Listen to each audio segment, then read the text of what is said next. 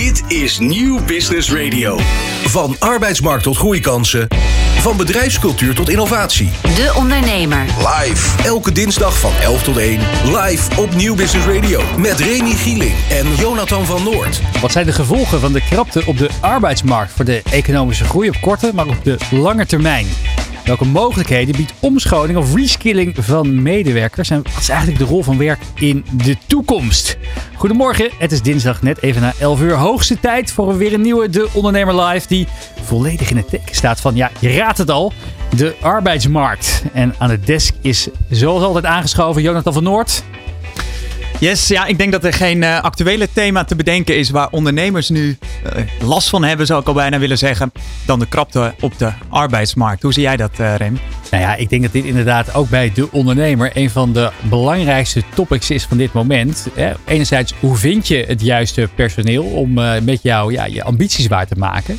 En aan de andere kant, hoe ja, behoud je die talenten die al in de organisatie zitten? Want er wordt natuurlijk aan alle kanten aan ze getrokken. Ja, de personeelstekorten die zijn enorm. Wat, wat, wat, wat zie jij daarover in jouw werk als journalist? Wat, wat, wat hoor je van de ondernemers die je daarover spreekt? Nou, sowieso dat zij daar heel creatief uh, mee omgaan. Ik zit toch uh, heel even te, denken aan de keer dat wij hier chef-kok Ron Blauw hadden. Die als een van de eerste in de horeca bijvoorbeeld daar heel bewust mee omging. Uh, hij heeft toen scooters, als ik me niet vergis, zelfs weggegeven om, om mensen binnenboord te houden en ook in zijn bedrijf te krijgen. Dus dat vind ik altijd wel heel leuk, heel leuk om te zien. En ik zat onderweg in de trein ook even te bedenken. Ik kan ook werkelijk geen sector verzinnen waar dit niet speelt. Aan jou ook de vraag, weet jij iets toevallig waar dit niet het geval is. Die, die dus wel... ja, ik vind het ook wel een hele interessante vraag. Is er inderdaad een sector te vinden waarvan ze zeggen: nee, we hebben echt mensen te over. We moeten ze echt ergens anders neerplaatsen. Misschien moeten we het zo even vragen aan, Stuur uh, even aan de een mailtje naar uh, ja, uh, de redactie deondernemer.nl. En dan gaan wij inderdaad door naar onze expert die ons de hele uitzending zal ja, voorzien van raad en daad. Dat is vandaag Alex Groeneveld, directeur staffing bij Randstad Nederland. Alex, leuk dat je er bent in de uitzending. Goedemorgen en heel erg leuk om hier te zijn. Ja, ook aan jou de vraag. Heb je inderdaad een beroepsgroep voor ogen waarvan je zegt, nou daar, daar, daar, daar spuit het echt, de mensen spuiten echt, uh, klotsen echt tegen het plafond aan? Nou, ik moet eerlijk bekennen dat, dat in tegenstelling tot voorgaande jaren, waar, en want het gaat altijd een beetje met cycli, hè, krapte op de arbeidsmarkt of juist overschotten. Maar in tegenstelling tot voorgaande uh, cycli, dat nu eigenlijk overal de tekorten was. Echt overal, hè? Ja? Ja, ja. ja, Dus als je ooit nog een keer de ambitie hebt om een carrière switch te maken, dan is Dit is zeker nu wel moment. echt het moment. Ja. Hey, hey, even heel kort over jou. Want ik zet, ik zet je LinkedIn met veel uh, profiel met heel veel uh, interesse te bewonderen. Uh, mensgericht, met humor en met een stevige drive om het elke dag beter te doen dan gisteren. Ja. Heb je over jezelf geschreven. Ja, dat klopt. Waar blijkt dat uit? Um, nou, dat blijkt uit uh, het feit dat uh, op het moment dat wij succesvol zijn, we dat ook echt vieren met elkaar. En dat ik daar uh, ook voorstander van ben om daar dan ook van te genieten. Dat moet ook ruimte hebben. Um, tegelijkertijd is voor mij dan de uitdaging om daar dan ook lang genoeg bij stil te blijven staan. Want de vraag is altijd hoe kan je vervolgens het nog beter maken? Want de lat ja, probeer je elke keer wat hoger te leggen. Heb je een voorbeeld van iets wat je recent hebt gevierd met je, met je, met je collega's? Uh, nou ja, we hebben uh, een van de uh, grootste aanbestedingen die dit jaar liep weten, weten te winnen. Als een van de winnaars. en ja, en dat, dat wordt dan ook echt wel even gevierd met elkaar. Dat is een traject waarin wekenlang een team, ehm, nog even los van de jaren daarvoor die je al hebt besteed aan het leren kennen van een klant. Maar wekenlang een team ja, bezig is om zich op die aanbesteding te richten en de juiste stukken aan te leveren. Op het moment dat je dan wint, dan uh, wordt dat even echt wel even gevierd met elkaar. Ja. Gefeliciteerd. Ga je, ga je toch vertellen wie het was? Of is dat een bedrijfsgeheim? Uh, nee, dat, uh, dat, we zitten volgens mij nog in de Alcatel-periode. Dus 100% zekerheid hebben we nog niet. Maar het is de gemeente Amsterdam. Gefeliciteerd in ieder geval met de eerste belangrijke aanzet die daarvoor inderdaad is Dank je. genomen. De komende uitzending gaan we het met je hebben over die, ja, die arbeidsmarkt, die krapte. En hoe ondernemers daarmee om kunnen gaan. Hoogst tijd om te beginnen. Dit is de Ondernemer Live van dinsdag 6 juni. Van arbeidsmarkt tot groeikansen. Van bedrijfscultuur tot innovatie. De Ondernemer. Live. Elke dinsdag van 11 tot 1. Live op Nieuw Business Radio. Alex, Jonathan en ik gaan de komende twee uur met jou doorbrengen. En we vinden het altijd wel aardig om ook uh, ja, de kijker en luisteraar je wat beter te leren kennen. Door middel van drie prangende vragen. Als ik nu zelf een bedrijf zou inschrijven bij de Kamer van Koophandel, dan is dat een. Um, uh, uh, een, een, in ieder geval een bedrijf waar dienstverlening uh, aan bod komt. Voorbeeld? Nou ja, er schieten een aantal voorbeelden door mijn hoofd. Maar dat zijn natuurlijk al bestaande bedrijven. Dus je, je- ik zou wel op zoek moeten naar iets wat, eh, wat nog niet bestaat. Ehm, en maar, maar het punt is, dienstverlening is iets wat bij mij in het bloed zit. Ehm, eh, proberen mensen te helpen, ver- verder te helpen. Ehm, daarnaast is het ook per definitie wel iets wat toekomst heeft. Eh, voor mij is het een van de onderwerpen die dadelijk voorbij komt, eh, eh, is ook AI en robotisering en dergelijke. Nou, juist eh, dienst verlenen aan, aan mensen. Ehm, eh, dat is iets wat, ja, wat heel menselijk is. En, en de persoonlijke factor is iets wat niet nagebootst kan worden nog. niet echt nagebootst kan worden. Ondertussen reed er op het Mediapark een soort van space raket achter ons langs. Die zien we nu. De kijker kan het kunnen zien. Leuke afleiding. Jonathan, voor jou de tweede vraag. Ja, de volgende vraag voor jou, eh, Alex. Met deze ondernemer zou ik graag een week op een onbewoond eiland willen zitten.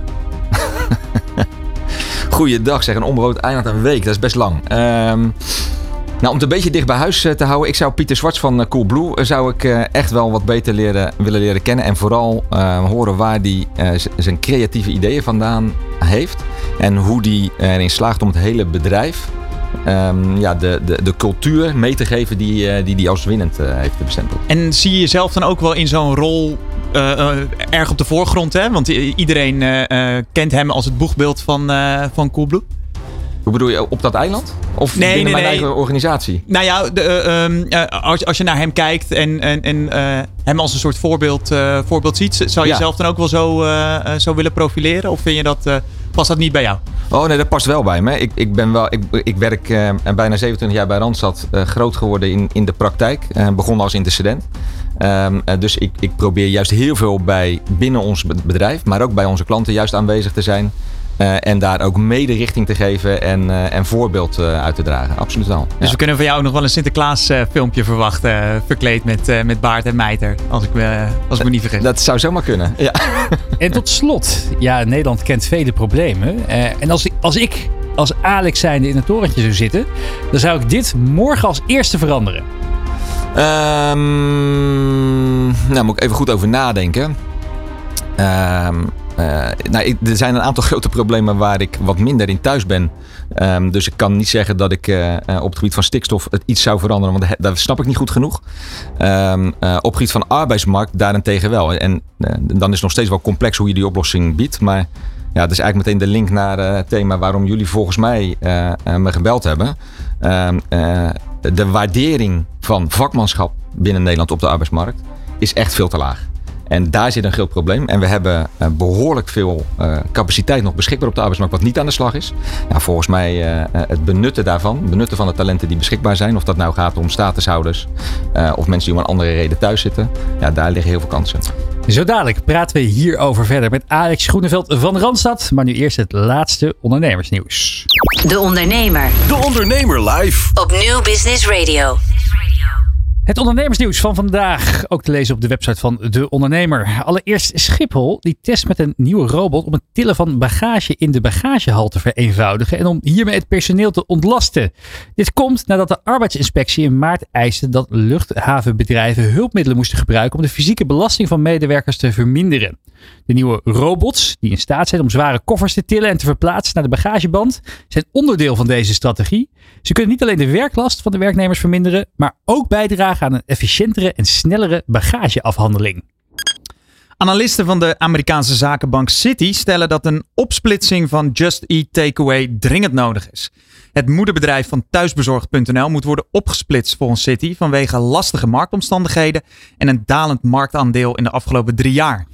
De bank adviseert dan ook de verkoop van de Amerikaanse dochteronderneming Grubhub, omdat de overname van deze maaltijdbezorger niet de verwachte resultaat heeft opgeleverd. Volgens de analisten kan een deel van de opbrengst uit de verkoop aan aandeelhouders worden uitgekeerd. En dit zal het aandeel van Just Eat Takeaway een aanzienlijke boost geven. Driekwart van de Nederlandse ondernemers kan de hogere kosten niet of slechts gedeeltelijk doorberekenen aan klanten. Uit vrees voor het verliezen van klanten aan concurrenten en vanwege prijsafspraken die ze hebben gemaakt. Dit blijkt uit onderzoek door het eh, Centraal Bureau voor de Statistiek, ofwel CBS. Bijna 28% van de bedrijven is bang voor een slechtere concurrentiepositie als ze alle extra kosten voor bijvoorbeeld energie, lonen en grondstoffen doorberekenen. Terwijl een vijfde minder verkoop verwacht als klanten voor alle kostenstijgingen moeten opdraaien. Ondanks de kritiek dat bedrijven de hoge inflatie gebruiken om prijzen verder te verhogen en zo meer winst te maken, leverde het CBS-onderzoek geen bewijs voor deze zogenaamde graaiflatie. Voor meer ondernemersnieuws, kijk op deondernemer.nl. Dit is De Ondernemer live op Nieuw Business Radio. Ja, en aan tafel hier bij de Ondernemer Live praten we verder met Alex Groeneveld van Randstad. Ja, onder meer door het grote tekort aan vakmensen. Van de 400.000 openstaande vacatures staat bijna de helft open in de categorie praktische beroepen. Dat blijkt uit onderzoek van Randstad. Zij concluderen onder meer dat de vraag naar medewerkers in praktische beroepen groeit. Omdat deze werkzaamheden nog onvervangbaar zijn door technologie. Nou, daar praten we straks ook over in de uitzending. Zometeen schuift onze data- en AI-expert Job van den Berg aan. Ja, Alex, eerst eventjes. Ja, dat, uh, hoe, ja, hoe staan we ervoor in Nederland als het gaat over de arbeidsmarkt. Aan de ene kant hoor je dat ja, de, de, de, de, krapte weer daalt. Andere, ja, andere mensen die zeggen weer, ja, het, het groeit. Wat is het in jouw ervaring? Um, nou ja, als je het hebt over krapte daalt, dan heb je het nog steeds over krapte. We hebben nog nooit zoveel vacatures gehad uh, in het land. En we hebben meer vacatures dan dat er mensen beschikbaar zijn. Dus uh, het, het, is overduidelijk zo dat er krapte ervaren wordt op de arbeidsmarkt en eigenlijk door de beroepsgroepen, verschillende beroepsgroepen heen. Dat is wat ik, uh, wat ik net ook op de antwoord uh, zei op jouw vraag. Ook in je eigen team, hoeveel vacatures heb je openstaan? Hoeveel mensen zoek je nog? Oh, dat is een goede vraag. Dat durf ik je zo 1, 2, 3 niet te zeggen. Maar in elke regio zoeken wij nog steeds mensen. Ja. Ja. ja. Je hebt niet eventjes dat je, dat, je nu de oproep natuurlijk aan mensen die ja. je kan doen. Van uh, als je het leuk vindt om met Alex samen te werken. Straks werk je er ook 27 jaar. Ja. het, is wel, het, is wel, het is wel heel lang, 27 jaar. Uh, ja, nou ja, ik, ik, moet eerlijk zeggen, het moment dat ik, uh, um, ik denk dat ik 50 werd, toen werkte ik 25 jaar bij Randstad. Dat, dat was voor mijzelf een redelijk confronterend moment. Want dan werk je dus je halve leven bij hetzelfde bedrijf. Ben je gewoon jezelf um, zo hondsloyaal? Of is het gewoon een ontzettend leuke werkgever? Nee, het is fantastisch werkgever uiteraard. En bedoel, uh, um, uh, anders blijf je niet. Zeker in tijden, en die hebben we vaker gehad van krapte. Waarin er heel veel kansen zijn op de arbeidsmarkt. Zijn er dan voldoende mogelijkheden om over te stappen. Uh, Randstad is, is in mijn beleving echt een hele goede werkgever. Waar je heel veel kansen krijgt.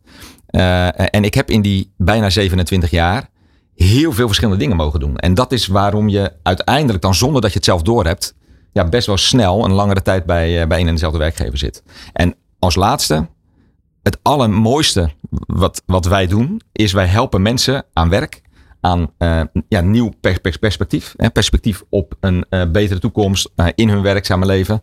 En er zijn eigenlijk drie dingen in het leven van mensen ja, die echt essentieel zijn. En dat is liefde.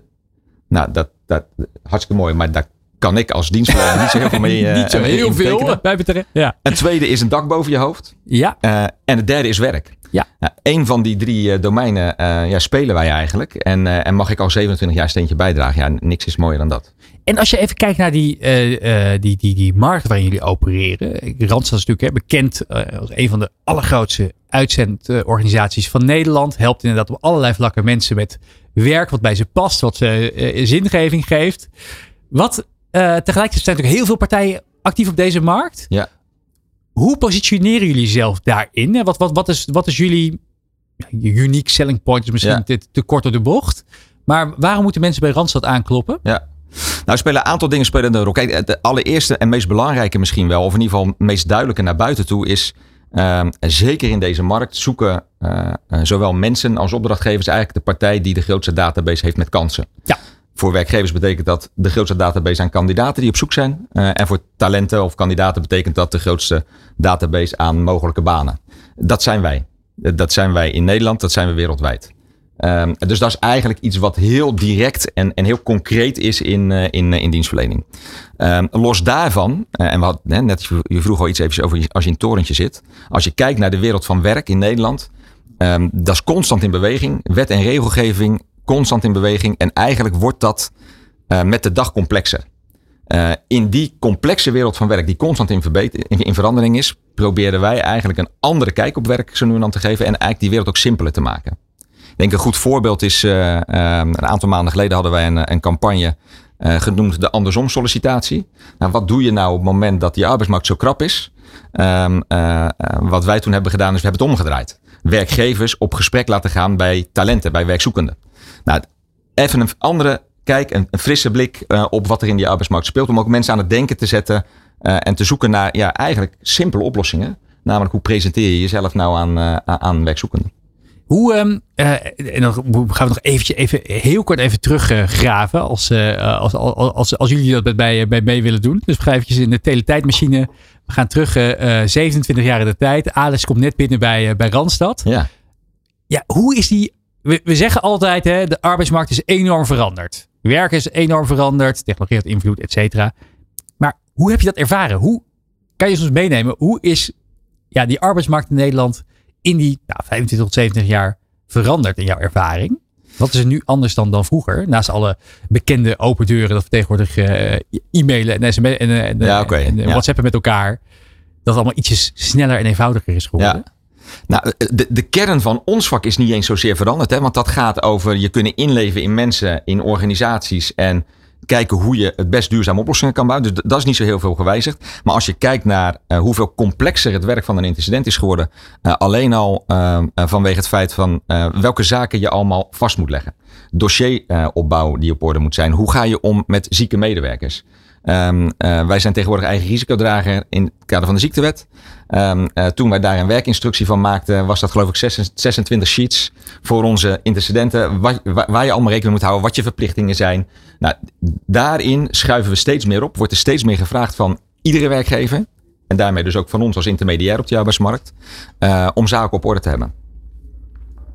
Ja, ik ben toch eigenlijk wel benieuwd eh, naar de reden waarom eh, Alex hier zit. En dat is het, eh, het grote onderzoek dat jullie hebben uitgevoerd. En daaruit blijkt dus dat we van 400.000 eh, eh, openstaande vacatures, er 200 gaan over ja, praktische beroepen. Kan je ons meenemen, Alex, hoe dat gat, dat tekort is ontstaan?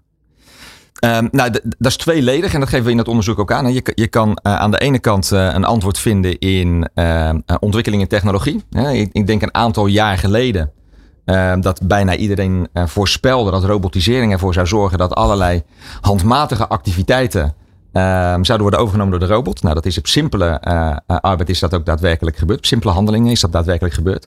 Maar op heel veel vakmanschap, op heel veel handwerk en praktische beroepen absoluut niet.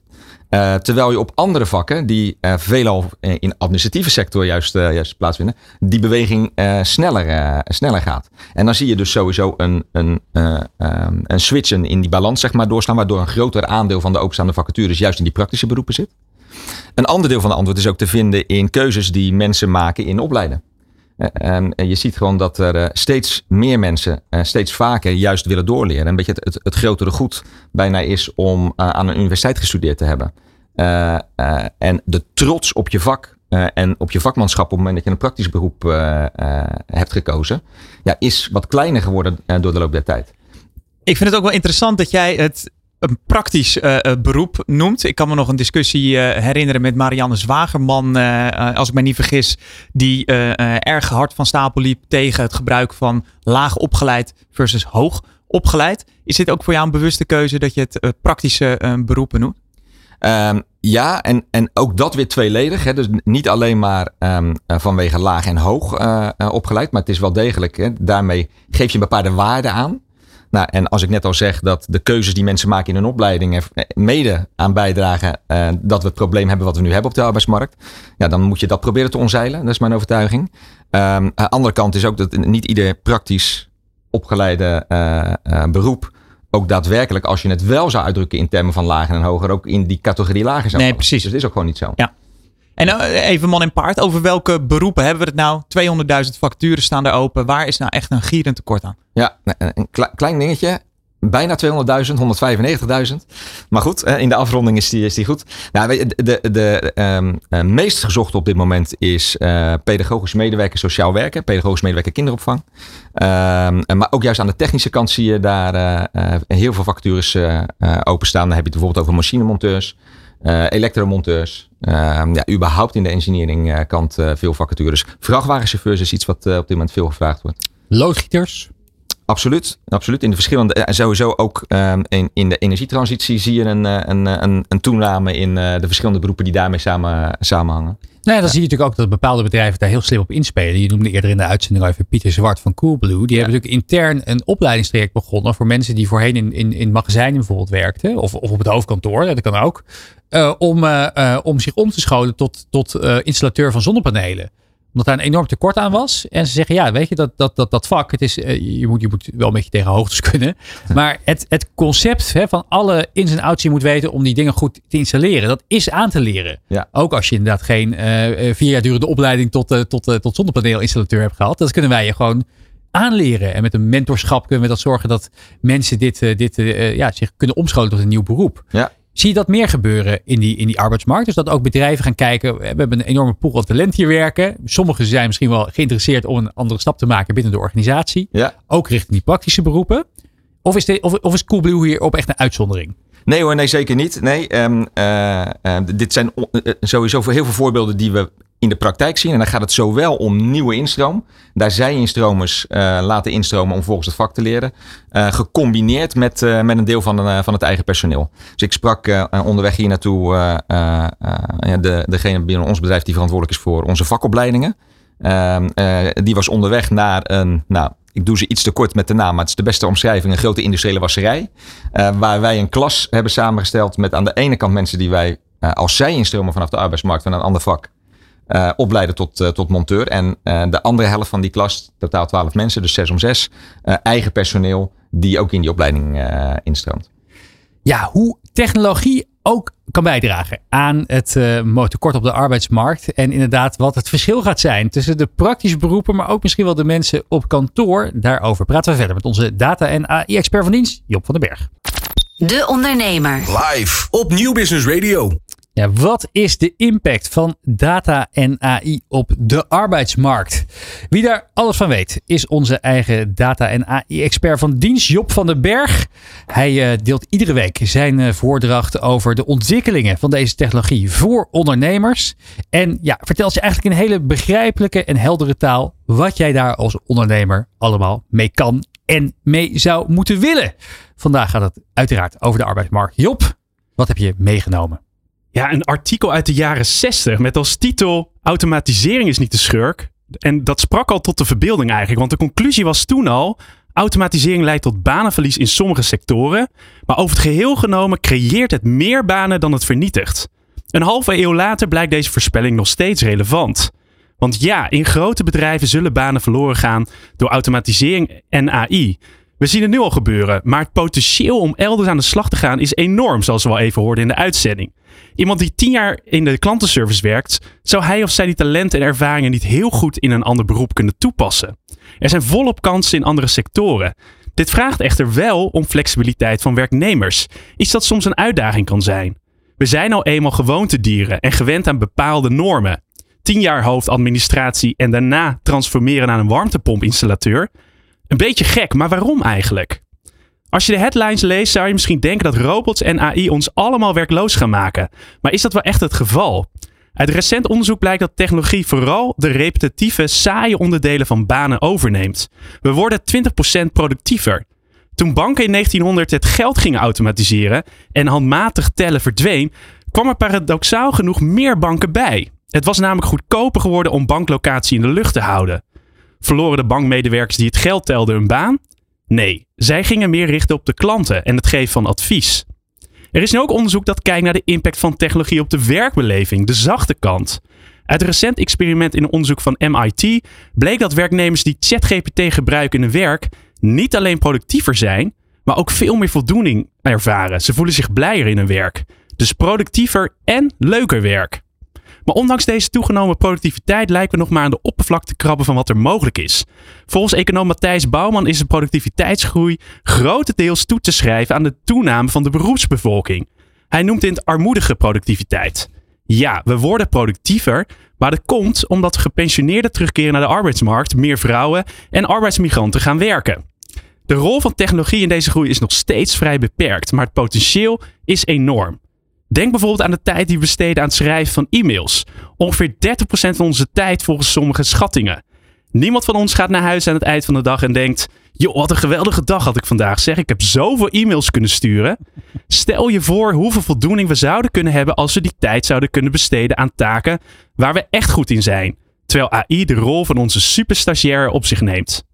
Nog een interessante observatie als het gaat om werk en technologie. Ondanks de technologische vooruitgang door de tijd heen, werken we nog steeds ongeveer evenveel uren. Hoe kan dat nou? Ja, de paradox is dat naarmate we meer taken outsourcen aan technologie, we nieuwe taken voor onszelf bedenken. We hebben een oneindige capaciteit om onszelf bezig te houden en dus blijven doorgaan met onze 40-urige werkweken. Ongeacht de technologie die we tot onze beschikking hebben. Een data scientist bijvoorbeeld kan 30% tijd besparen door coderen uit te besteden aan AI. Daardoor heeft hij of zij meer tijd om nieuwe strategische vragen te beantwoorden. Ze maken dus nog meer impact. Conclusie. We staan aan de vooravond van een technologische revolutie en het is aan ons, ja, misschien wel de ondernemers, om ervoor te zorgen dat we deze revolutie op de juiste manier leiden. Ja, we het gesprek blijven voeren en samenbouwen aan een toekomst waarin technologie ons werkleven te goede komt. Maar heel belangrijk is om te realiseren dat niet iedereen zijn werkpatronen en vaardigheden van de ene op de andere dag kan en wil gaan aanpassen. Succes! Nou, dat is het mooie ook. Hè? Dat, uh, dat het gaat inderdaad, technologie gaat ons helpen op heel veel vlakken om saaie repetitieve taken enerzijds overbodig te maken. Ik heb gisteren ook bij op één even wat kunnen vertellen over het feit dat, dat er ja, heel veel doemdenkers ook zijn die zeggen van nou, AI gaat al onze banen wegnemen. Goldman Sachs onlangs die zei ja, 300 miljoen banen worden misschien wel weggeautomatiseerd. Uh, we, dachten, we dachten in de jaren 80 al dat alle banen zouden gaan verdwijnen. En het valt gelukkig natuurlijk alle, alle, alleszins mee. Je ziet wel dat taken gaan verdwijnen. En ook in dat linkje naar die, die, die, die, die, die, praktische beroepen, vind ik altijd een hele mooie term, de zogeheten Moravec's paradox. Die stelt dat het heel makkelijk is eigenlijk voor software om bepaalde cognitieve taken in software te automatiseren. Maar dat het heel moeilijk is om eigenlijk de fijne motoriek van een mens, eigenlijk al van een, van een kleuter na te bootsen in, in, in robotica. Dus zeker dat die beroepen die veel met hun handen werken, ik noem de loodgieters of van hondenuitlaters, tennis, tennisleraren, ja, die zijn echt voor voorlopig wel, uh, wel, wel, wel, wel veilig van deze, van, deze, uh, van deze innovatiegolf die eraan zit te komen. Ik zit ook heel, heel, even na te denken over de laatste keer dat ik een loodgieter nodig had. Dat was bij het vervangen van een, uh, van een kraan. Uh, dan merk je ook, zij zijn altijd natuurlijk heel probleemoplossend bezig. Ik snap wel dat je een, een, robot kan inzetten voor het maken van de kraan. Maar het specifiek in een oud flatje uh, de, erin monteren. Ja, dan heb je toch wel echt het vakmanschap. Dat woord zou ik toch wel heel graag willen gebruiken. Heb je dan nodig ja. van zo'n echte loodgieter. Hoe zie jij dat, Alex? Nou, dat is spijker op zijn kop. En, en, en dan heb je ook nog eens een keertje het uh, element dat je bij mensen langs moet gaan. Nou, die robot die gaat niet in zijn, in zijn eentje langs. Hè, dus dan heb je weer iemand nodig. Stel ding. dat het wel zou kunnen. ja. ja. Om, die, om die robot te bedienen, te installeren, et cetera. Dus als je het hebt over uh, technologie, als die al zoiets zou kunnen doen, creëer je eigenlijk meteen weer een nieuwe baan ernaast. En dat is wat je wel vaak, uh, vaak ziet. Dat zou ook een mooie, mooie baan voor de toekomst zijn. Nou ja, weet je, het is, het, een, een, tijdje geleden, dat is, is, er nog niet van gekomen, maar een tijdje geleden met, uh, met uh, voorzitter college van bestuur Ron Koren van Albra College ook in gesprek geweest. Als je nou kijkt naar MBO 1-2 opleidingen, zouden we nou daar juist niet iets kunnen creëren wat gaat over hoe je met robots omgaat. En dan kan je mensen die op dat niveau in een MBO-opleiding zitten, kan je eigenlijk een voorsprong geven door ze eigenlijk daar juist eerder mee, mee aan de slag te helpen uiteindelijk, als die technologie doorgaat, ja, dan heb je dus juist daar behoefte aan. Ja. En uh, daar zijn op dit moment natuurlijk geen mensen van. Is er nog niet van gekomen, maar het is nog wel een, een, een idee wat, uh, wat speelt. Ja, Randstad heeft ook vorige week een ontzettend leuke, uh, leuke inhaker video gemaakt over inderdaad het, het inzetten van ChatGPT. Ja. We gaan zo eventjes kijken, maar even voor de kijker en de luisteraar alvast. Uh, jullie hebben eigenlijk ChatGPT het, het, het, het HBO, of sorry, het HAVO-examen ja. laten doen die natuurlijk inderdaad met vlag en wimpel kan die, kan die, kan die het examen voor uh, wiskunde, Frans, Duits, ja. uh, uh, scheikunde kan die ja, natuurlijk uitvoeren. Ja, we hebben, we hebben alle vakken van het HAVO-examen van vorig jaar, want van dit jaar kon dat natuurlijk nog nee, niet, ja. hebben we laten doen. En in het filmpje zie je er eentje met een 8,3 ja. gehaald. maar alle vakken gehaald. alle vakken gehaald. Daarnaast uh, ja, een praktijkdeel van een, uh, van een mbo-opleiding. En nou ja, dat, dat raad je al, dat is wat ingewikkelder. Laten we een heel klein stukje gaan kijken.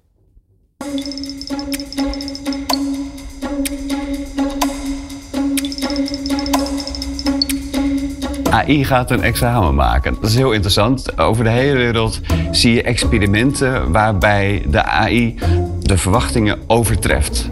Een HAVO-examen, ik verwacht eerlijk gezegd dat AI ver gaat komen. Maar als je kijkt naar installatietechniek of naar zoiets als een praktijkexamen, ik ben benieuwd of we daar een voldoende voor gaan halen.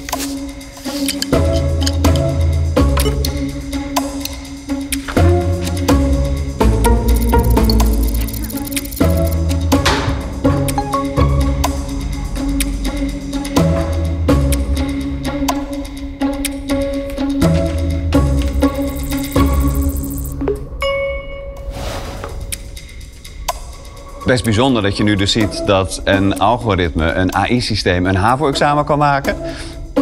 Maar juist het praktijkwerk, dingen doen met deze fantastische technologie, met je handen, dat dat nu heel moeilijk is voor een computer.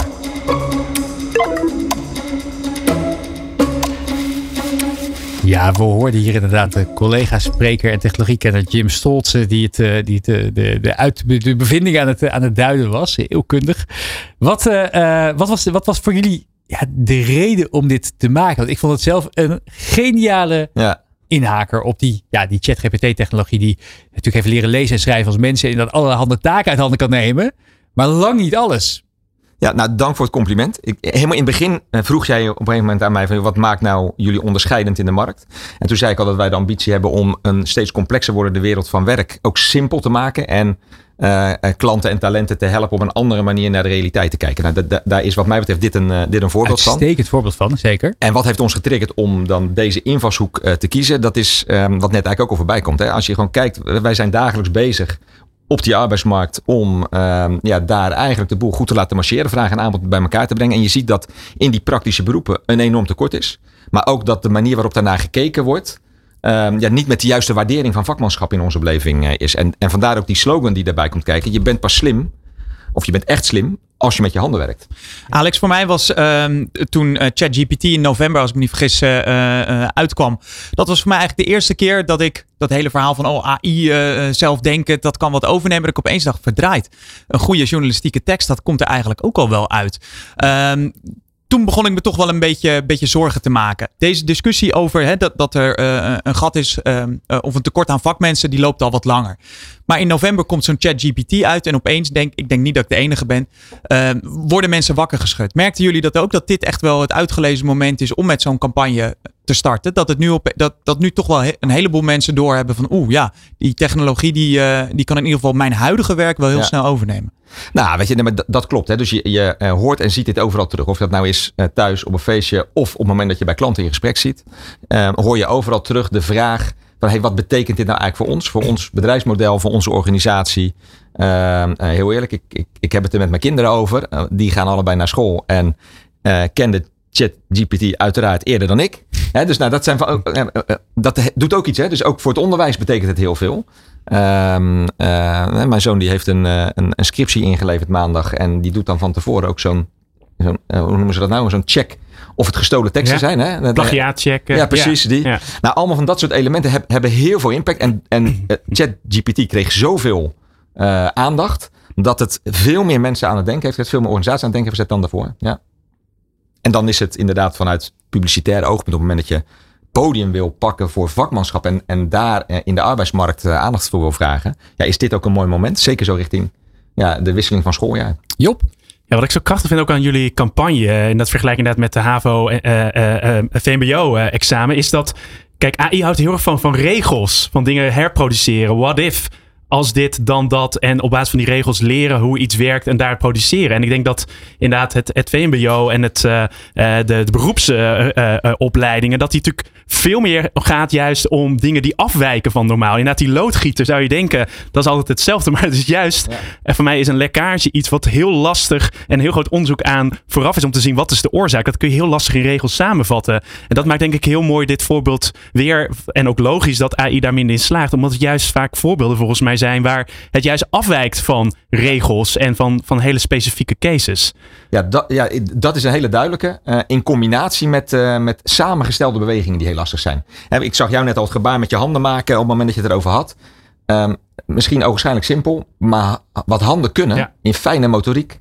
Dat, dat is technologisch echt ontzettend lastig eh, ehm, ja, na te maken. Ja, en als je dat combineert dan met ons brein, die inderdaad alle, eh, neem, in de, de, neem de keuken van Jonathan, waar, waar je natuurlijk eh, allerlei ja, cognitieve expertise voor nodig hebt Ja. om te snappen welke kraan moet ik hier plaatsen, wanneer, op welk graadje, hoe wat. Ja. Je zou het natuurlijk theoretisch allemaal in een robot kunnen doen, maar om die te programmeren dat Ja. hij in alle keukens elk klusje zou kunnen doen, ja, dat vraagt natuurlijk zo gigantisch veel kapitaal. Ja. Het is gewoon veel simpeler en logischer ook om dat gewoon door mensen te laten doen. Dus laat mensen excelleren waar zij goed in zijn en laten we robots die, ja, die saai klusjes, eh, administratieve klusjes van ons Ja. werk overnemen. Want ja, de recente onderzoeken lieten ook weer zien dat de gemiddelde professional vijf uur per dag achter zijn of haar e-mailbox uh, doorbrengt. En nog eens 90 minuten per dag achter zakelijke chat-apps. Ja, veel mensen hebben gewoon het idee dat ze gewoon niet meer aan werk toe komen. En dat is ook gewoon zo. Ze zijn elkaar aan het dood communiceren op zakelijk vlak. Dus het wordt echt weer eens tijd dat we die technologie gaan gebruiken om weer zinvol werk te doen, ook op die kantoorbaan. En ik denk, ik, heb, ik ben optimistisch ingesteld dat het vooral ons heel veel gaat helpen. En niet alleen maar ons allemaal massaal werkloos te maken. De Ondernemer. Live op Nieuw Business Radio. In deze aflevering van De Ondernemer Live staat de arbeidsmarkt centraal. En past er dus ook om het te gaan hebben over de mogelijkheden van bij- en omscholing van volwassenen. Om ze een beter uitzicht te geven op de arbeidsmarkt. Ja, waar die vraag zo ongelooflijk groot is. En daar hebben we het over met Hanny Vlug. Zij is uh, directievoorzitter van SBB. SBB staat voor Samenwerkingsorganisatie Beroepsonderwijs Bedrijfsleven. Als ik het goed heb geoefend. ja, ja, het kwam er vloeiend uit. Beetje topbreker. Uh, zij werkt samen met onder meer iWish, ja, de bekende uh, opticienketen. En Hanny van der Weert. Zij is uh, manager, manager People Experience daar. Ja, die is ook aangeschoven. Hanny en Hanny, welkom. Dankjewel. Dankjewel. Ja, we gaan eventjes kijken hoe we dat voor de kijker en luisteraar duidelijk maken wanneer we aan wie de vraag stellen. Uh, maar uh, Hanni, allereerst aan jou de vraag als, als, als, als, als chef de mission van SBB. Wat doen jullie precies? Ja, wat wij doen, SBB, even nog voor de naam, hè, is een officiële samenwerkingsorganisatie tussen beroepsonderwijs en bedrijfsleven. En de ondernemers, de meeste ondernemers zullen ons kennen van de erkenningen die we afgeven als je een MBO-student wil laten stage lopen. Dus dat doen we. Maar het mooie is dat we ook 500 adviseurs over heel Nederland hebben. Die ook ondernemers kunnen helpen om te zorgen dat ze misschien gebruik maken van om- en bijscholing van volwassenen.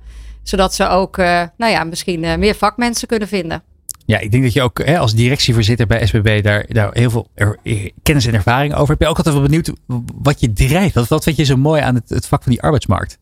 Nou, wat ik het allerbelangrijkste vind is te zorgen hè, dat er daadwerkelijk uh, goede vakmensen komen. Maar het is natuurlijk ook belangrijk dat we, dat is een maatschappelijke drive, zoals je dat net zo mooi formuleerde, is ook te zorgen dat mensen al hun talenten kunnen ontwikkelen. Dat is voor de MBO-studenten, die 500.000 MBO-studenten die we met elkaar hebben. Maar er zijn ook heel veel uh, volwassenen die heel veel in hun rugzakje hebben, kennis en ervaring. En misschien wel een andere baan zoeken. Of misschien op dit moment uh, nog geen baan uh, hebben of meer uur willen werken. En dat biedt heel veel kansen voor de ondernemers, omdat ze allemaal ja, schreeuwen om die vakmensen. Hanny, jij bent van iWish. Jullie hebben 177 winkels in Nederland en België. Klopt. Ja, hoe groot is voor jullie dat probleem om goed en gekwalificeerd personeel te vinden? Ja, het is uh, binnen de optiek altijd heel lastig om goede mensen te vinden. Uh, er zijn maar weinig jonge mensen die denken, ik word opticien. Dat word je als je vader of moeder uh, opticien is. Maar voor de rest is het niet een vak wat direct op je netvlies staat als je een opleiding gaat volgen. Nee, zijn geen kleine hey, jongetjes en meisjes die ochtends die kleine posters ja. hebben van opticiens ja, op de muur. Het zijn toch inderdaad ja, de ruimtevaarders, de brandweermannen nee. en vrouwen. Nee, dus het is niet vaak een eerste opleiding die mensen kiezen. Dus die uh, vijver die is heel klein. En pas later, als mensen uh, ergens gaan werken, komen ze erachter dat het omscholen naar opticien juist voor hun wel uh, interessant kan zijn. Dus voor ons is het, we hebben heel veel aan zij-instromers, dus mensen die al ergens anders gewerkt hebben. En het mooie van het vak van opticien is, is dat je verschillende kwalificaties kunt gebruiken om binnen de optiek te werken. Dus heb je al in de zorg gewerkt, nou ja, uh, oogmetingen, dat, uh, dat zit daar dichtbij. Heb je in de techniek gewerkt? Het, slijpen van brillen is uh, ook een technisch iets. In de horeca, gastvrouw, gastheerschap. Dus er zijn heel veel verschillende aspecten. mensen die visagie hebben gedaan of kapper, die veel met fashion hebben. Dus um, we merken dat zij-instromers bij ons heel goed terecht kunnen. En het is vaak ook een voordeel als je al wat ouder bent. veel mensen zien een opticien toch iemand, een, een, een oudere dame of heer met veel kennis en ervaring. Dus als je als 40 of 50-jarige instroomt, dan kan, kan die leeftijd juist een voordeel uh, zijn. En de, de oudste die wij hebben, die op dit moment een MBO-opleiding uh, volgt, die is 60 jaar. Dus, uh, dus het kan ook nog op latere leeftijd. Ja, de gehele uitzending is eh, Alex, eh, directeur staffing van Randstad, eh, bij ons ook te gast. Alex, wat, wa- wa- is, is, dit, is dit nou ook zo'n zo'n voorbeeld van zo'n ja, beroep waar gewoon heel veel vraag naar is en wat lastig te automatiseren is?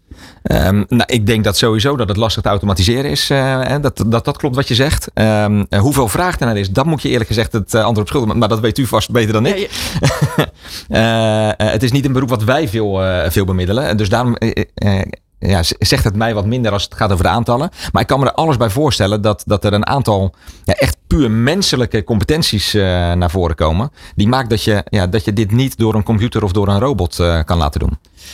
Nee, en dat is grappig. eh, je kunt een groot deel automatiseren. Het slijpen van glazen kun je automatiseren. En ook de oogmeting. De technologie die gaat daarin heel ver. Maar dat biedt ook juist kansen, want je wil juist het resultaat van die oogmeting met klanten communiceren. Hè? Dus waar we het eerst als een bedreiging zagen, hè? Die, die, Ja. die automatisering zien we het nu juist als kans. Een klant wil graag weten, wat betekenen die meetgegevens eh, voor mij? Dus automatisering is voor ons eh, ja, zeker een kans. Ja. En het tekort is heel groot, dus branchebreed, niet alleen voor iWish. Eh, juist omdat aan de onderkant zo weinig mensen instromen, is het branchebreed gewoon een, een tekort. En is het belangrijk dat we mensen later de kans geven om de opleidingen te volgen. Ja. En wa- waar ik wel breed ook een link zie, is, is eh, eh, feitelijk heb je natuurlijk ook veel met winkels te maken, waar opticien eh, zeg maar gevonden wordt.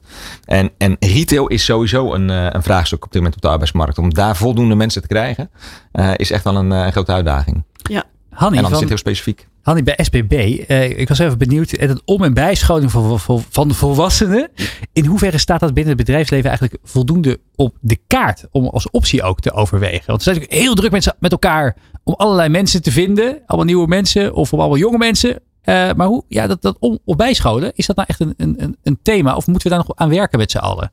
Het staat dus onvoldoende op de kaart. Hè. We, zien met elkaar, hè, we hebben iets van eh, 150.000 MBO-studenten die elk jaar met een diploma eh, van de opleiding afkomen. en als je kijkt eh, eh, hoeveel vacatures er breed in Nederland zijn op MBO-niveau, beschikt voor een eh, beginnend beroepsbeoefenaar, zoals wij dat dan zo mooi eh, noemen. Ja, dan weet je dat je voor elke vacature eh, eh, er één niet gaat vinden. Dus eh 50% kans dat je iemand vanuit het MBO gaat eh, eh, instromen. Dus dat is aan de ene kant. En aan de andere kant zie je dat er nog zoveel talenten rondlopen in Nederland. Hè? Mensen die of geen baan hebben, ik zei het net ook al, of meer uren willen werken. Of misschien wel vanuit de zorg. Het mooie voorbeeld van Honeynet, eh, van iWish. eh, denken, ik wil wel misschien toch eh, richting de optiekbranche. Hoe mooi is het dat je het eigenlijk met een stukje, dat is eigenlijk wat SBB zeg maar samen met de ROC's, MBO-opleiding en het bedrijfsleven heeft ontwikkeld. Dat je niet meer dan een hele opleiding hoeft te volgen van een aantal jaren, maar eigenlijk een onderdeel van een MBO-opleiding kunt volgen. En ik denk eh, dat dat eh, echt eh, vele kansen biedt voor ondernemers. Want ze hebben nu een probleem hè, op die arbeidsmarkt. Hè. Niet over twee, drie jaar. Dus je hebt misschien helemaal geen tijd om op daarop te wachten. Maar ook voor de werknemers of de werkzoekenden. Ja, die hebben geen zin om die jaren naar die schoolbanken terug te gaan.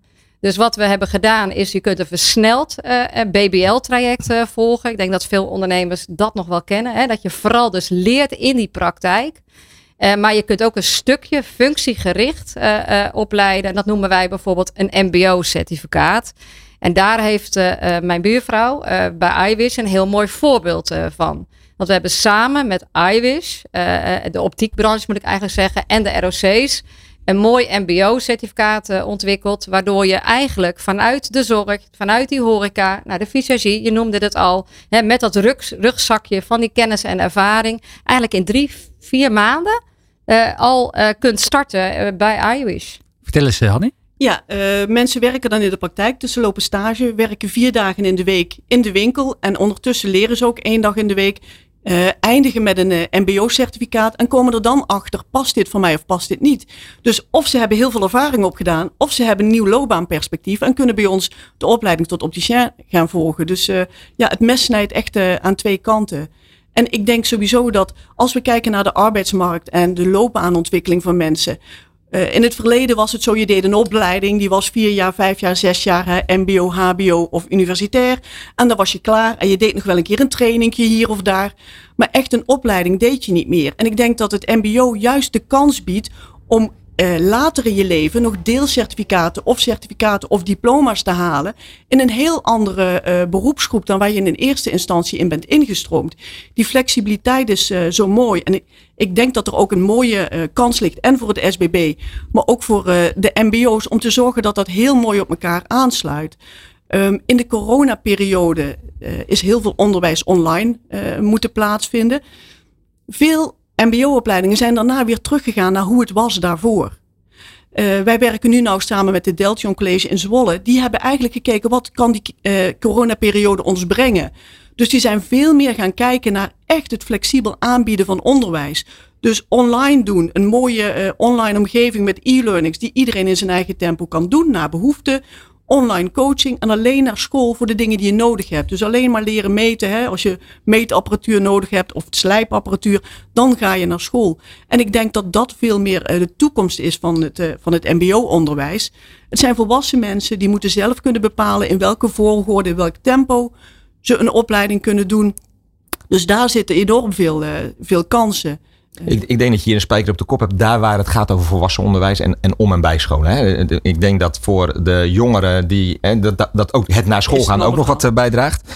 Uh, en feitelijk is het zo dat hè, voorspellend vanuit de uh, snelle veranderende technologie is dat degenen die nu de arbeidsmarkt opkomen, dat die ongeveer vier keer in hun carrière een ander vak zullen moeten leren om tot aan pensioen ook daadwerkelijk een, een beroep te kunnen blijven uitoefenen. Um, um, een van de dingen triggert mij een beetje vanuit, vanuit jullie verhaal. Eh, ik herken de oplossingsrichting. Wij bouwen daar ook heel vaak aan eh, met klanten. Maar een van de dingen die wij nog wel eens tegenkomen, dat is misschien een goede vraag voor jou vanuit SBB, is dat lang niet elke werkgever ook geaccrediteerd is. Op het moment dat dat al zo is, is het relatief makkelijk om iets op te starten. Op het moment dat dat niet zo is, is dat natuurlijk, ja, dan, dan moet je daarna gaan kijken. Wat zijn nou de belangrijkste redenen?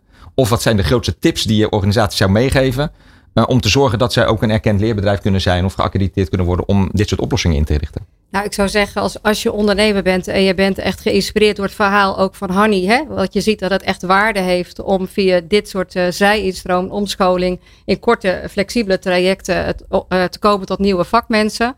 Uh, mail ons, s-bb.nl. Dan, dan, we hebben 500 adviseurs die je vervolgens met jou contact kunnen opnemen. En uh, als je dan erkend wil worden, dan kijken wij uh, als leer uh, naar het bedrijf hè, of je ook die werkprocessen kunt aanbieden hè, die nodig zijn om tot bijvoorbeeld die MBO-certificaat te komen of een praktijkverklaring. dus daar kunnen we in ondersteunen, dat doen we. Maar we bieden dus ook aan wat voor onderwijsopleidingen, hè, wat, wat is er allemaal te doen. En wat ik ook belangrijk vind om te vertellen, is dat er heel veel subsidiemogelijkheden zijn. Dus het is ook nog iets. Hè. De SBB is een publieke organisatie. Wij worden gefinancierd vanuit het kabinet. Dus als je ons belt, hè, dat is een gratis dienstverlening voor onderne ondernemers. Hè, dan krijg je dus maximaal 2700 euro aan subsidie. Ja. En ook heel veel sectoren. Want er zijn niet alleen helaas tekort op de arbeidsmarkt in de retail, hè, de techniek, maar je kunt uh, de horeca, de zorg, je kunt ze eigenlijk allemaal nu bijna noemen. Ja. Hè, er zijn gewoon veel brancheorganisaties die ook extra subsidiemogelijkheden hebben uh, uh, op de plank liggen.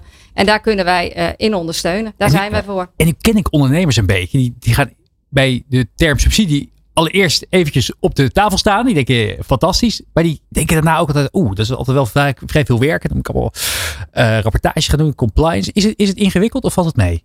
Het is niet ingewikkeld, maar wij kunnen helpen. Hè? Dus daar zijn wij dus voor. Daar hebben wij de adviseurs uh, in het land voor uh, uh, rondlopen. Ja. Dus als je denkt, ik wil dit heel graag, dan help je wat er nodig is. Als je nog niet erkend bent, want er zijn wel 250.000 leerbedrijven al in Nederland. Dus veel zijn al erkend. Maar ben je het nog niet, dan zorgen wij met jou, als je echt die wens hebt, je moet ja. wel zelf die wens hebben, zeg ik. Dan help je me om te zorgen dat je erkend wordt. Wat de mogelijkheden zijn om een MBO-certificaat uh, te kunnen uh, aanbieden. Of een praktijkverklaring, want niet iedereen is in staat misschien om een MBO-certificaat uh, te halen. Hè? Dus als je werkzoekend bent uh, misschien. Maar ook uh, wat de mogelijkheden zijn om een subsidieaanvraag in te dienen. En wat je daarvoor kunt doen. Dus daar kunnen we echt mee helpen. Dat is onze rol en dat doen we graag. Hanny, als we naar dat traject kijken bij iWish. Wat, wat zijn dan een beetje enerzijds die reacties die je krijgt van de mensen die het traject volgen? Wat voor, wat, voor, wat, voor, wat voor enthousiasme zit daarin? Of wat voor vragen krijgen jullie? En um, ja, moet je ook nog ja, hebben jullie ook nog aan bepaalde dingen dat moeten voldoen om, om dit traject uiteindelijk zo ja, neer te zetten als vandaag de dag? Uh, erkend leerbedrijf zijn natuurlijk. En uh, dat is natuurlijk heel mooi. Dat betekent ook dat degene die uh, de student begeleidt in de winkel, uh, dat die ook wel extra zijn best moet doen om diegene die volgende stap te laten maken. Dus ja, je krijgt subsidie en dat is winst op de korte termijn. Maar de winst op de lange termijn is dat je mensen krijgt uit andere uh, bedrijven, andere, met andere achtergronden, waardoor je veel minder oogkleppen kunt hebben. Waardoor je als bedrijf ook veel verder kunt ontwikkelen. We merken juist doordat mensen komen uit andere beroepsgroepen, ze andere kwaliteiten brengen. En vroeger zeiden ze wel eens uh, hire a smile. Ik zou zeggen, uh, ja, hire mensen met een smile, maar ook met mensen die zich willen ontwikkelen. Want daar zit, uh, denk ik, de toekomst. Dat is de gemene delen natuurlijk. Dat is, ja, precies. En wat voor reacties krijg je van de mensen die het traject doorlopen? Ja, die vinden het zelf heel fijn dat ze kunnen bepalen in wat voor tempo ze de opleiding volgen en ook wat ze op welk onderdeel, wat ze, welk onderdeel van de opleiding ze op welk moment doen. Sommige mensen willen starten, bijvoorbeeld in ons geval met het slijpen van brillen. Maar in een flexibele opleiding kan dat. Hè? De andere wil juist eerst leren meten. De andere wil juist eerst leren hoe sta ik klanten goed te woord. Het Deltion biedt dat aan en daar zijn wij ook heel blij mee. Dat is de reden dat we daarvoor uh, gekozen hebben, voor die flexibiliteit. Dat betekent dus eigenaarschap en dat moet iemand aankunnen die de opleiding gaat volgen.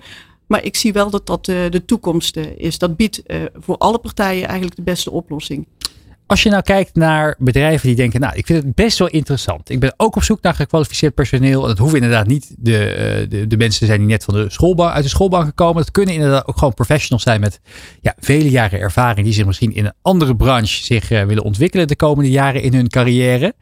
Wat zijn dan eerste stappen die je kan nemen als ondernemer om je klaar voor te, voor, je, je klaar voor te stomen? Nou, wat ik zou doen is, het, dus uh, ga naar onze website, hè, dus uh, meld dat je dat zou willen. Hè, dan zorgen wij dat er daadwerkelijk een persoon is die met jou contact op gaat nemen en zeg maar met jou gaat kijken of je al erkend bent. Hè, dat zei ik net al, dan moet je de werkprocessen aanbieden, maar je hebt ook een praktijkopleider nodig. Hè, iemand die jou begeleidt op die werkvloer. En we zeggen er ook altijd bij, het moet ook een veilige omgeving zijn. Dus er zijn eigenlijk drie criteria waaraan je moet voldoen om de erkenning te krijgen vanuit SBB, hè, om dat ook te mogen uh, doen. Maar we gaan dus samen met jou kijken wat de leermogelijkheden zijn in jouw uh, bedrijf. En wat, je, nou ja, wat voor jou kan helpen om um, via zij een omscholing. Hè, want het kan ook zittend personeel zijn, hè, AI. Het vak verandert. En ja, ze zeggen wel eens: het werven is het nieuwe boeien en binden van je eigen personeel. Hoe belangrijk is het om ook na te denken of je huidige personeel ja, ook nog wel door bijvoorbeeld AI morgen misschien nog wel die baan heeft. En dan kan ook juist weer dat stukje uh, van het MBO-opleiding, dus op maat, een MBO-certificaat, een praktijkverklaring of een versnelde BBL, die kan ook versneld, dus kan sneller helpen om te zorgen dat je ook op AI-gebied overmorgen nog die kennis hebt en nog een baan hebt bij, bij het betreffende bedrijf. Alex, met 27 jaar ervaring in die arbeidsmarkt. Voor jou de famous last words hierover? Nou, nee, ja, ik, ik kan me hier eh, volledig bij aansluiten. Wat ik, wat ik merk, wij vanuit de Randstad vakopleidingen uh, uh, helpen wij heel veel organisaties juist met, met dit soort vragen. En dat komt vaak neer op één, um, uh, hoe zorg ik dat ik begeleiding vind? Twee, welke opleidingen zijn er nou eigenlijk? Um, maar niet te vergeten, ook waar haal ik de mensen vandaan die vervolgens dan in gaan stromen? En dat zijn dan vaak de zij-instromers. Ja, weet je, en dan helpt het ook nog om te zeggen dat we leerbanenmarkt.nl hebben. Dat is ook een website die wij al tijdens de corona, hè, want we verwachten dat er heel veel mensen werkloos zouden worden, ja. hebben we in leven geroepen. Dus als bedrijven dus echt mooie leerbanen hebben, dus echt plekken hebben voor om- en bijscholing, zorgen wij dat het op, op de vacaturesite uh, komt te staan. En dan kunnen uh, niet alleen de Randstad, maar ook het UWV, hè, die gaan. Maar ook als je zelf wil kijken en je bent een, een werkzoeker, dat je denkt, hé, hey, maar ik wil misschien ook wel naar de optiekbranche. Uh, daar kun je dus op leerbanenmarkt uh, kijken, die specifiek echt voor deze doelgroep is bedoeld. Ja, en de oproep die ik aan iedere ondernemer zou willen doen is: het komt er uiteindelijk op aan dat je gaat kijken naar wat wel kan. Er zijn heel veel dingen ja. die niet kunnen. Er zijn enorme tekorten. Ja. Ik, ik, snap het allemaal, welke problemen er zijn. Maar uiteindelijk zijn er absoluut mensen beschikbaar, mensen bereid om switches te maken, die talenten hebben. Maar kijk met elkaar naar wat wel kan. En als je de handen ineens slaat, dan uh, is, is er voor heel veel zaken een oplossing. Hanny? Ja, zoek niet het schaap met de vijf poten. Die vind je niet.